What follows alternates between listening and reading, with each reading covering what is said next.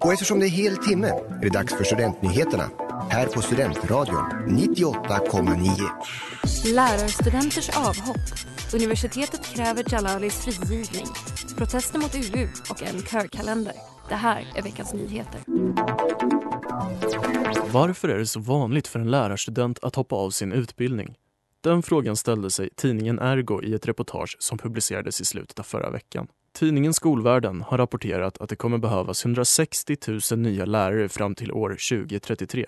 Men i Uppsala hoppar hälften av alla lärarstudenter av utbildningen. En av rösterna som hördes i Ergos reportage var Linn Stolpe, en lärarstudent som tänker just hoppa av lärarprogrammet till våren. Vi har tagit kontakt med henne för att själva ställa frågor i ämnet. Jag tror att så många eh, hoppar av lärarprogrammet för att man inte riktigt förstår att det inte bara är kunskaper man ska lära sig. Man måste också lära sig den här pedagogiken, man måste läsa eh, sin VFU, man måste ut på den här praktiken, göra det och faktiskt bli lärare.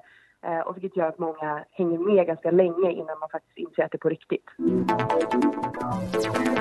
Utan bevis och efter en mycket kritiserad rättegång dömdes den svensk-iranske forskaren Ahmad Reza Jalali till döden för spioneri i oktober 2017. Han har sedan dess suttit fängslad i Iran men den senaste tiden har uppgifter om att domen varit på väg att verkställas aktualiserat fallet. Nu sluter även Uppsala universitet upp bakom de personer, organisationer, politiker och akademiker som kräver Jalalis frigivning. I ett blogginlägg på universitetets hemsida har rektor Eva Åkesson höjt sin röst i protest.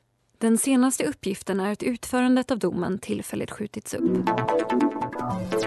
Kraftiga protester från bland andra forskare vid Uppsala universitet har fått UU att lägga planer på skogsavverkning som väckt starka reaktioner på is, uppger Dagens Nyheter. Den avverkning som nu är planerad rör sig om mellan 5 och 8 hektar inom ett naturreservat och motivet som lyfts är ekonomisk avkastning. Men i hopp om att bromsa planerna har runt 400 forskare, lärare och studenter skrivit under ett upprop för biologisk mångfald och hållbar utveckling. För oss som forskar om biologisk mångfald är avkastningen på den här typen av avverkning i naturreservat rena blodspengar, säger Göran Arnqvist, professor i zoekologi till Dagens Nyheter.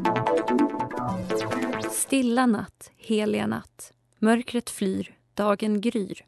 I år har coronapandemin gjort en redan stilla natt ännu mer stillsam. I juletid är det därför många som saknar sången men det är något som Körkonventet önskar ändra på. Genom sin digitala julkalender vill de sprida både glädje och fröjd. Även en insamling för världens barn är en del av projektet. Den dagliga lucköppningen kommer att ta plats på Facebook där Uppsala studentkörer ger oss den vackraste av julehälsningar, sången. Det här var nyheterna på Studentradion 98,9. Med Marcus Helge och mig, Hanna Valfridsson.